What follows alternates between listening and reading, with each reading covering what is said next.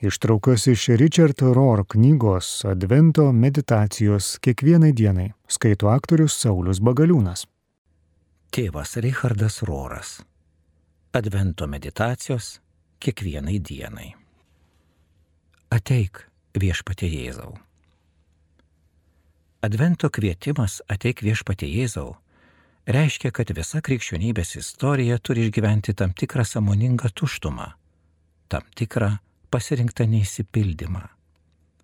Tobula pilnatvė visada ateina ir mums nereikia reikalauti jos dabar. Taip gyvenimo laukas lieka plačiai atvertas ir ypač atvertas Dievo maloniai ir ateičiai, kurią ne mes, o Jis kuria.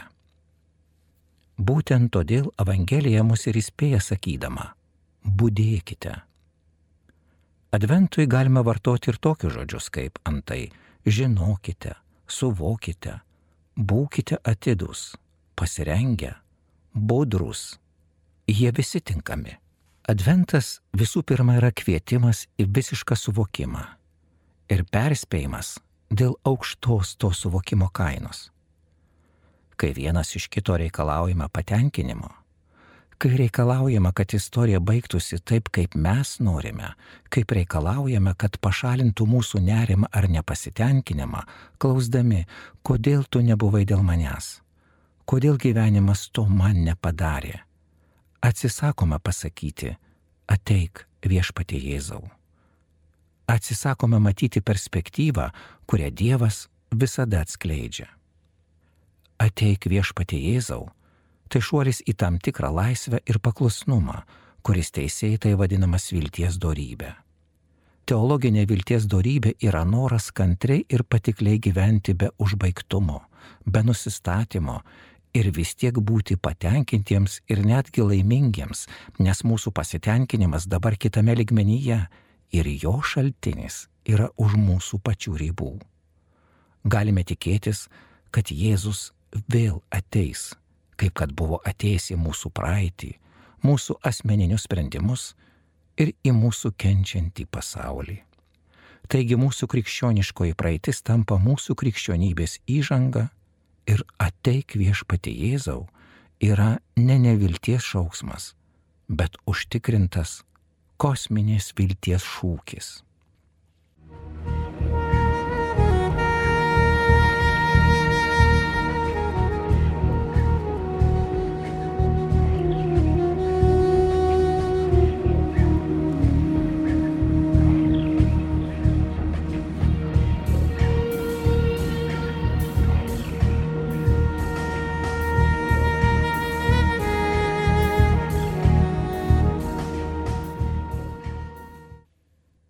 Padarykime savyje vietos. Viešpatė, nesu vertas, kad užeitum po mano stogu, bet tik tark žodį ir mano tarnas pasveiks. Junktinių Amerikos valstijų nepriklausomybės deklaracijoje sakoma, kad turime nepanaikinamą teisę siekti laimės. Dievas mūsų kūrė, kad būtume laimingi ir džiugus šiame ir kitame pasaulyje o ir Jėzus mums tai kartoja Evangelijoje pagal Joną. Vienintelis skirtumas tarp deklaracijos ir Jėzaus tas, kad kiekviena laimė, kurios reikalaujame iš gyvenimo, niekada netaps laimė, nes jį siekta itin narciziškai ir samoningai. Džiaugsmas, kurį jis duoda ne taip, kaip duoda pasaulis, visada ateina kaip dovana tiems, kurie jo laukia tikisi ir savyje padaro jam vietos. Pirmasis yra atkaklus savo teisų gynimas, antrasis - paklusnumas. Pirmasis yra imantis, antrasis - gaunantis. Tai dvi visiškai skirtingos žmogaus dinamikos. Nepagaunate drugelio jį persiogiodami. Sėdite ramiai ir jis nutupia jums ant pėties. Jis jūs pasirinko, Štai kur tikroji laimė. Kai ketinate siekti asmeninės laimės, paprastai susikūrėme jos idealą, kuriam tikrai lemta sugriūti. Bet kokie bandymai apsaugoti kiekvieną pilną teisę ir asmeninę laimę, supant tokiai daugybė žmonių kentėjimų, pagrindžiami pasaulio, kuriame gyvename prigimties iliuziją. Tai galime daryti tik tada, jei tam tikrų laipsnių atsiribojame nuo tikrovės ir atsisakome vienybės su visa kita puse, netgi su savo pačių kita puse. Abi gyvenimo pusės yra geros ir reikalingos mokytojos. Tiesą sakant, nesėkmės ir klaidos mus daug daugiau išmoko nei mūsų pasiekimai. Nesėkmė ir sėkmė dažnai vadinamos dviem Dievo rankomis arba Velykinė paslaptimi kad būtume suformuoti kaip visaverčiai Dievo vaikai, teks grumtis tiek su savo tamsa, tiek ir su savo šviesa. Bet žinoma, mes ypač priešinsimės kairiai Dievo rankai, kuri paprastai yra tam tikra kančios forma. Kaip ir mūsų Evangelijoje šiandien, juk būtent šimtininko tarno kančia paskatino šimtininką išeiti iš savo patogaus būsto ir pakviesti Jėzų į savo namus kančia ir vienybė su kitų kančia itin geba mumise padaryti vietos. Ko gero, jis svarbiausia mūsų dvasinė mokytoja.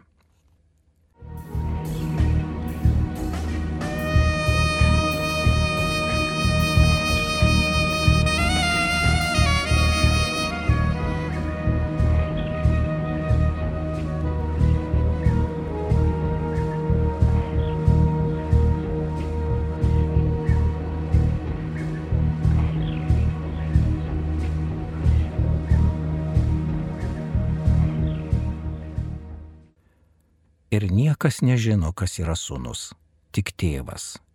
Nei kas yra tėvas, tik sunus ir tas, kam sunus panorės apreikšti. Kosminis Kristus. Antrasis Kristaus ateimas, kurio istorija laukia, nėra tokio paties kūdikėlio Jėzaus ar net istorinė Jėzaus ateimas. Istorinis Jėzus buvo žmogus ir Kristus nėra jo pavardė. Kristus apima ištisą kūrimo mostą ir istorija prie jo prisideda ir jūs taip pat. Tai vadiname kosminiu Kristumi. Mes patys esame Kristaus ir kosminio Kristaus kūno nariai, nors ir nesame istorinis Jėzus. Todėl visiškai teisėtai tikime Jėzų Kristų ir abu žodžiai yra esminiai. Švesti Kalėdas tai ne tiek susijaudinus laukti, kol gims kūdikėlis, kiek kur kas labiau prašyti, kad gimtų istorija. Nedarome jokios paslaugos Evangelijai, kai Jėzų, amžinai Kristų, paverčiame nuolatiniu kūdikiu, vaikeliu, kuris geba iš mūsų suaugusiųjų norėti tiek nedaug. Net kyla klausimas, kas norėtų Jėzų laikyti kūdikiu? Nebent kūdikiška krikščionybė. Kūdikį galime glausti ir myluoti. Tačiau bet koks dvasingumas, kuris per daug remiasi vaikeliu Jėzumi, galbūt dar nėra pasiruošęs geriausiam gyvenimo tarpsniui. Kai pasitikime bibliniais tekstais, tampa akivaizdu, kad Dievas nori draugų, dalininkų ir atvaizdų. Dievas atrodo nori suaugusiųjų tikėjimo ir brandaus, laisvo mūsų atsako. Jis myli mus kaip suaugusius dalininkus, nes abipusiškai duodant ir imant, galiausiai tampama Dievu, kuris mylimas. Reikia tai pripažinti. Suprantu, iš kur vienur ar kitur kilo vienokie ar kitokie kūdikėlio, santoninio garbinimai, tačiau jie nesiliečia prie tos Biblijoje skelbiamos galios, kuri akivaizdžiai mus kviečia bendradarbiauti laisvai dalyvauti ir mylėti, kaip myli laisvi ir brandus asmenys Dieve. Be abejo, jūs galite taip savimi pasitikėti, nes Dievas pirmas ir pirmiausia jumis pasitikėjo. Kristus, kurio prašome ir laukiame, apima jūsų pačių visišką gimimą, taip pat ir tolesnį istorijos ir kūrinijos gimimą. Dabar su visišku nauju supratimu ir samoninga aistra galite sakyti, ateik Jėzau Kristau.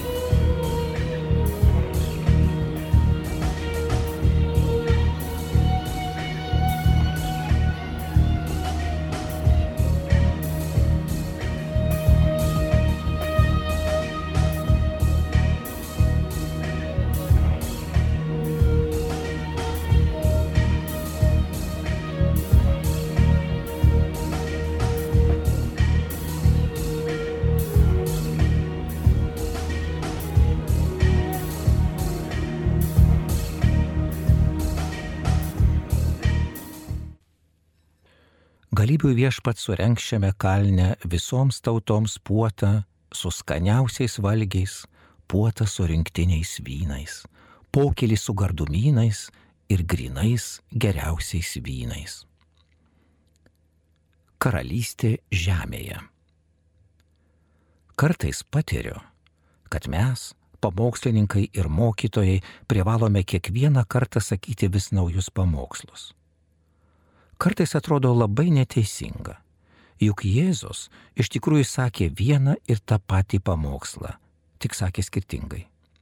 Jėzus kalbėjo apie Dievo karalystę arba dangaus karalystę kad paaiškintų, ką jis vadina karalystę ir kas jam akivaizdu, o mums nesuprantama, Jėzus naudojo pasakojimus ir palyginimus sakydamas, kad su dangaus karalystė yra kaip su apie dalykus, kurie yra virš jūsliniai.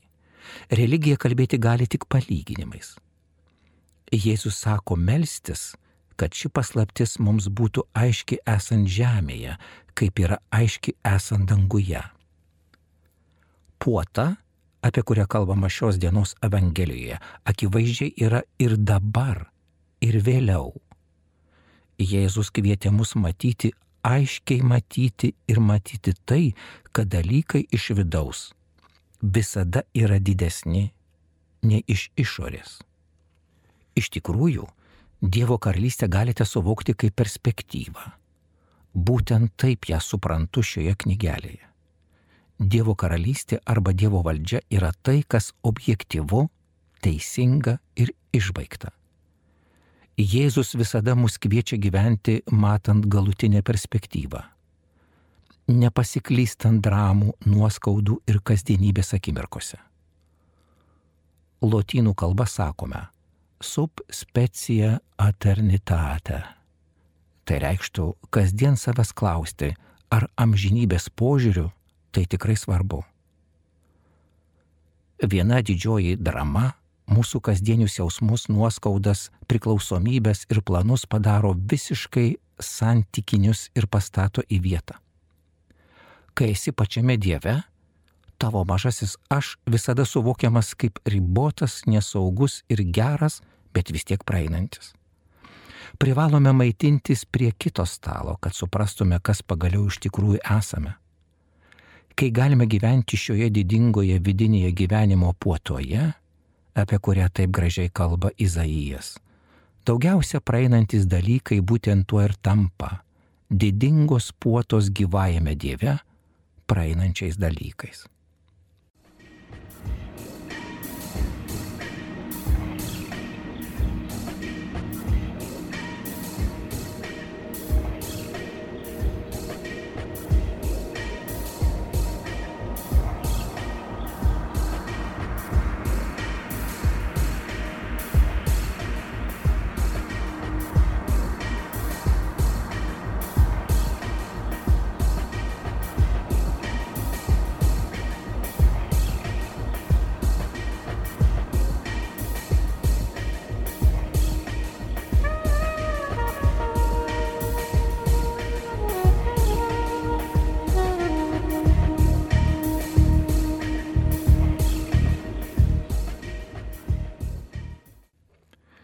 Kiekvienas, kuris šaukia viešpatė viešpatė, įeis į dangaus karalystę, bet tik tas, kuris vykdo mano dangiškojo tėvo valią.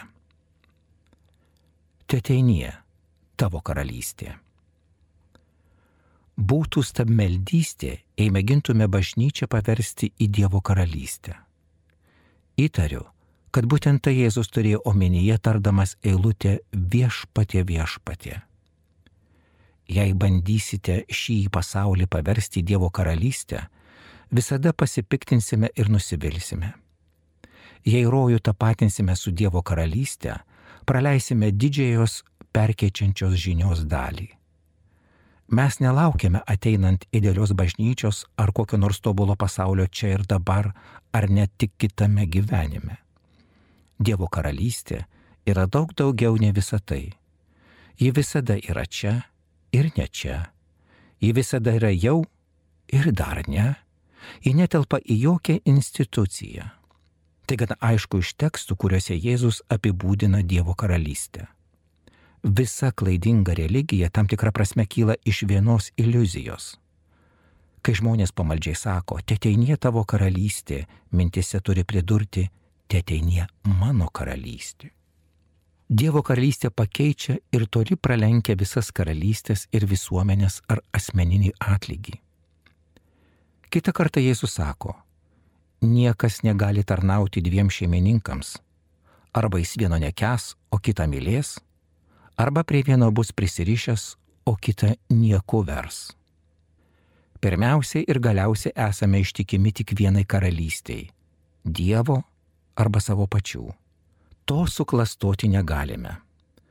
Perspektyva išryškėja, kai centre yra Dievo veikimas ir jo valia, o mes esame laimingi prisimdami vietą kadro kamputyje. Tai ir yra vykdyti dangiškojo tėvo valią ir tai leidžia plėtoti didesnį gyvenimo ir meilės dramą. Tikiu, kad Jėzus mokė platesnės versijos to, ką šiandien turime omenyje, kai sakome, kad reikia galvoti globaliai, o veikti lokaliai kadangi aš perspektyvos dalis esu iš esmės toks svarbus. Nors aš tik dalis, tačiau teisėtai esu scenoje ir esu laimingas. O kokia laisvė yra tokioje tiesoje. Iš prigimties esame svarbus ir įtraukti, tačiau neperkrauti gaminimu ir pastangomis įsaugoti savo asmeninę reikšmę mūsų orumas mums Dievo duotas ir esame išlaisvinti nuo savęs. Maža to, skelbiama Dievo karalystė išlaisvina mus ir nuo visuomeninių stabmeldyščių. Juk negalima nuolat kartoti teteinė tavo karalystė, kai iš tikrųjų tikimės, kad mus išgelbės mūsų tautos, politinės partijos, kariuomenės, bankai ir kitos visuomeninės institucijos. Tam tikra prasme, jos taip pat turi būti realizuotos didžiai karalystiai atėjus. Štai kodėl popiežius Jonas Paulius II taip dažnai kalbėjo apie struktūrinę nuodėmę ir institucinį blogį. Mes naudojamės, tikiuosi išmintingai, šio pasaulio sistemomis, bet ne nemanome tikėti į jas. Mes tikime į Dievą.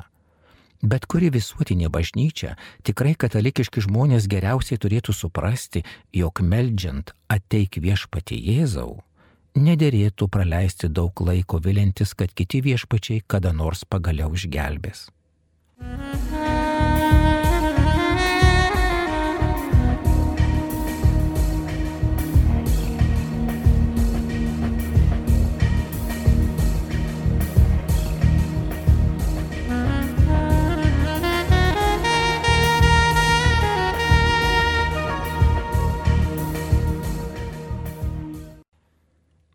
Tuomet klaidžiantiems dvasia grįž išmanimas, murmantieji leisis pamokomi.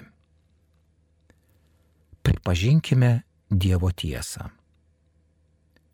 Jėzus aiškiai sako, kad dangaus karalystė yra tarp mūsų. Arba čia pat. Kyla klausimas, kodėl ją pavertėme vėlesnio atlygio sistema ar, kaip kas ją vadina dieviškojų evokacijos iš šio pasaulio planu. Galbūt buvo lengviau paklusti įstatymams ir praktikuoti ritualus dėl atlygio gaunamo vėliau, nei iš tikrųjų būti perkeistiems dabar.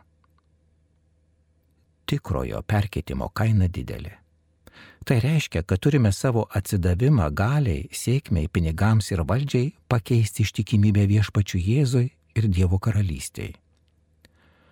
Nuo to momento yra tik vienas absoliutas, o visa kita palyginus su juo yra relativu. Viskas relativu. Netgi bažnyčia.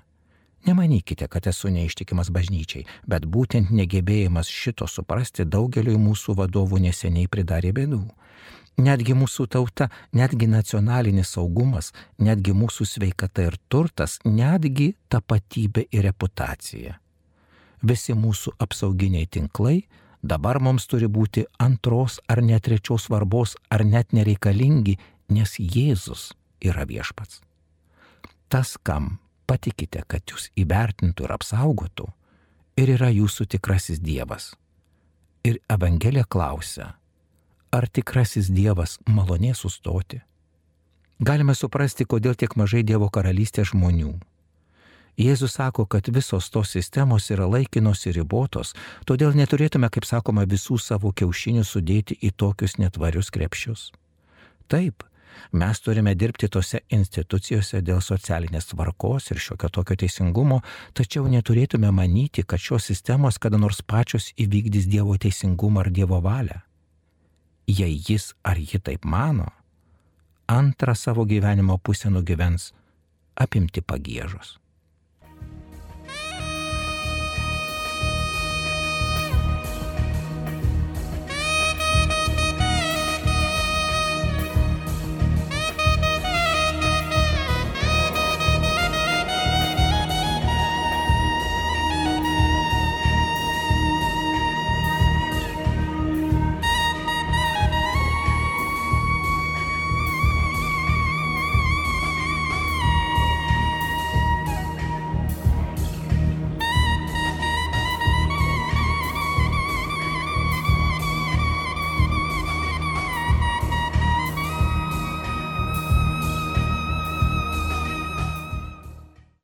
Verčiau lankykite pražuvusias Izraelio namų avis. Eikite ir skelbkite, jog prisartino dangaus karalystė. Jėzus griežtas reformatorius. Perspektyva mūsų dienomis, ko gero, taip pat retai atpažįstama, kaip kad buvo Jėzaus laikais. Ir kodėlgi turėtų būti kitaip? Netgi dvylika paštalų su tuo turėjo vargo. Tai niekada nebus populiaru tai niekada nebus skirta masėms, nebent masės bus budrios ir samoningos. Antraip, masės paprastai perspektyvą matys kaip tobulą visuomenę, rojų ar bažnyčią. Gyvename per vidurį su nesuvaldoma viltimi, jog jau yra pakankamai, kad būtume tikri, jog dar nėra pakankamai. Jėzus atnešė pasauliui prieš intuityvę žinę, būtina visoms pasaulio religijoms giliai ir nepaliaujamai reformuoti. Jis buvo griežtas savo paties žydų religijos reformatorius ir per ją ir tų religijų, kurios paprastai seka klasikiniais judaizmo modeliais, tiek priimdamos žinę, tiek ir visiškai prieštaraudamos savo pačių žiniai.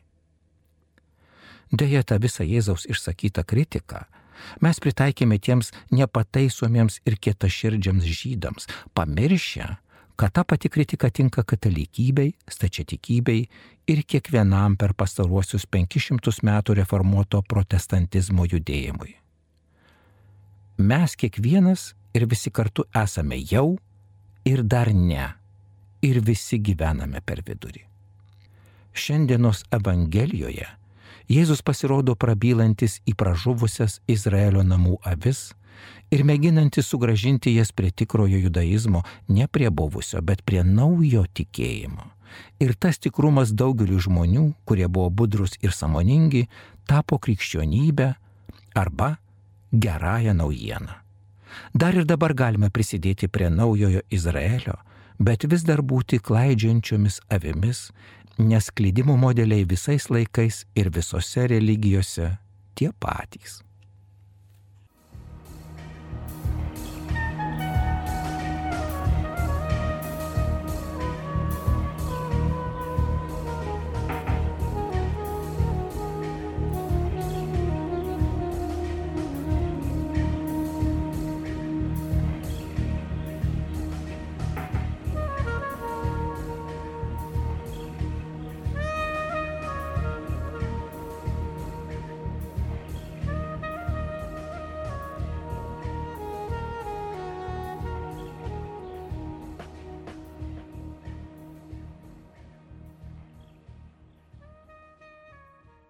Ištikima meilė ir tiesa susitiks. Teisumas ir ramybė bučiuosis. Tiesa žels į žemės, Dievo teisumas žvelgs iš dangaus. Laukime tamsoje. Tamsa niekada visiškai neišnyks. Gana ilgai ėjau dvasininko pareigas, kad suprasčiau, jog tamsa nė nemano išnykti bet yra taip, kaip Evangelijoje pagal Joną sakoma. Šviesa spindi tamsoje ir tamsa jos neužgožė. Tokia yra krikščioniškoji in ir yang forma, mūsų pačių tikėjimas paradoksu ir paslaptimi. Visi turime viltis ir veikti, kad tamsa įsisklaidytų. Ypač kai svarstomos daugelis didelių mūsų laikų socialinių bėdų. Norime, kad pasaulyje išnyktų badas. Norime, kad žemės ištikliai nebūtų eikvojami ginklų gamybai. Norime, kad nebūtų žudomi žmonės ir negimę, ir jau gimę. Tačiau tam tikrų momentų turime sutikti, kad tamsa iš tiesų visada egzistuoja ir kad yra vienintelis tikras klausimas, kaip priimti ir paskleisti šviesą. Tai nėra pasidavimas, kaip ir kryžius nebuvo pasidavimas. Tai gyvas perkeitimas į absoliučiai unikalų prisikėlusio Kristaus būdą ir planą. Ką iš tikrųjų turime padaryti, tai atpažinti, kas yra tamsa ir sužinoti, kaip gyventi kūrybiškai ir drąsiai su ja bendraujant. Kitaip sakant, nevadinant tamsos šviesa, nevadinant tamsos gėriu, o juk daugelis iš mūsų, tiek kairiųjų, tiek dešiniųjų, tuo susigundė. Dažniausiai jie nebuvo mokyti išminties ir išvalgumo. Labiausiai paplitęs būdas išlaisvinti savo vidinę įtampą yra liautis tamsą vadinti tamsa ir įsivaizduoti, kad yra galinga, galima šviesa. Kitas būdas išlaisvinti savo vidinę įtampą - stoti priešais ją piktiems ir užsispyrusiems. Bet tada jūs tampate jos veidrodiniu atspindžiu. Paprastai kiekvienas tai pastebi, išskyrus jūs. Mūsų krikščioniška išmintis yra tamsa vadinti tamsa, o šviesa šviesa. Ir mokytis taip gyventi ir veikti šviesoje, kad tamsa mūsų neužgoštų. Jei turime gražią svajonę ir manome, kad viskas yra tiesiog puiku, galima patekti į tamsos pastus, nes nematome taip aiškiai, kad galėtume atskirti grūdus nuo pelų, dažniausiai liberalų vilionė. Ir priešingai, jei matysime tik tamsą ir pamiršime pačią pagrindinę šviesą, būsime sunaikinti savo pačių negativizmo ir fanatizmo arba naiviai manysime, kad esame tamsos nuošalėje dažniausia konservatorių vilionė. Tačiau mes privalome su viltimi laukti ir veikti tamsoje, niekada nebejodami šviesa, kuri visada yra Dievas ir mes patys. Tai siauras Dievo gimimo pasaulyje kanalas per tamsą įvesti prienčią šviesą.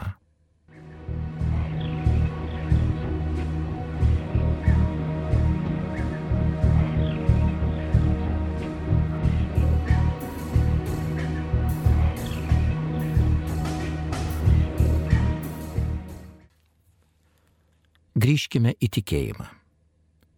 14 metų Albukerkyje tarnavau kalėjimo kapelionu. Daug ko pats išmokau sakydamas pamokslus įkalintiems vaikinams ir merginoms. Jie neturi to stipraus suvokimo, kokį aš turiu. Nėra pasiklydę žodžių pasaulyje, kuriame viskas tampa miglota. Jiems labiau aišku, kas yra mirtis. Jiems labiau aišku, kas sunaikina žmogų ir kartais kaip sunaikina Jų sielose tiesiog nėra tam tikros savisaugos ar gebėjimo neikti, nes jie visi buvo pasiekę dugną. Kalėjime visada galėjau kalbėti tiesiai šviesiai, kitaip nei parapijoje, kur dažnai turėjau kalbėti gražiai. Kiekvieną sekmadienį kalėjime švenčiau trejas mišes ir trečiosios buvo su moterimis. Kalinės apie save visada mano labai blogai. Visuomenė paplitusi nuomonė, kad nusikaltę vyrai turėtų eiti į kalėjimą, vyrai yra blogi. Visuomenė tiki, kad moteris nėra blogos, moteris yra geros, moteris gimdo vaikus, moteris yra empatiškos, moteris nesėda į kalėjimą. Taigi kalinės jaučia didžiulę kaltę ir gėdą. Jos manęs klausdavo, kodėl aš čia? Kas su manimi negerai? Jos jausdavosi labai kaltos nes jų vaikai buvo likę namuose, o jos pačios sėdėjo kalėjime. Kaip galėtų motina savo vaikui pasakyti, kad jį įkalinta ir leisti ją manyti, kad jo mama bloga? Tos moterys taip gilinosi į save, kaip nei aš, nei jūs nesigiliname. Tokioms moteriams ir tokiems vyrams vien tik tikėti neužtenka. Jie turi prasikasti savo kelią į tikėjimą ir kai jie tai padaro, jų tikėjimas dažnai yra tikras. Visada sakome, kad tikėjimas yra žmonėms, kurie bijo pragaro arba Dievo, o dvasingumas žmonėms, kurie praėjo pragarą ir sutiko Dievą. Mums geruoliams dažniausiai nereikia atrasti kelio į tikėjimą ilgą laiką galime jaustis patogiai su išoriniu tikėjimu ir mandagiu dorybingumu. Tačiau kiekvieną iš mūsų veda Dievas, esu tuo tikras, tik skirtingais keliais ir vieną dieną tikėjimas mums bus viltis, meilė, nuolankumas ir paklusnumas, kitaip tai nebus tikras tikėjimas. Ne vieno iš šitų mažutėlių Dievas neperpras. Ir mes esame vieni iš šitų mažutėlių tik kiekvienas kitaip. Ištraukas iš Richard Rohr knygos Advento meditacijos kiekvienai dienai skaitė aktorius Saulis Bagaliūnas.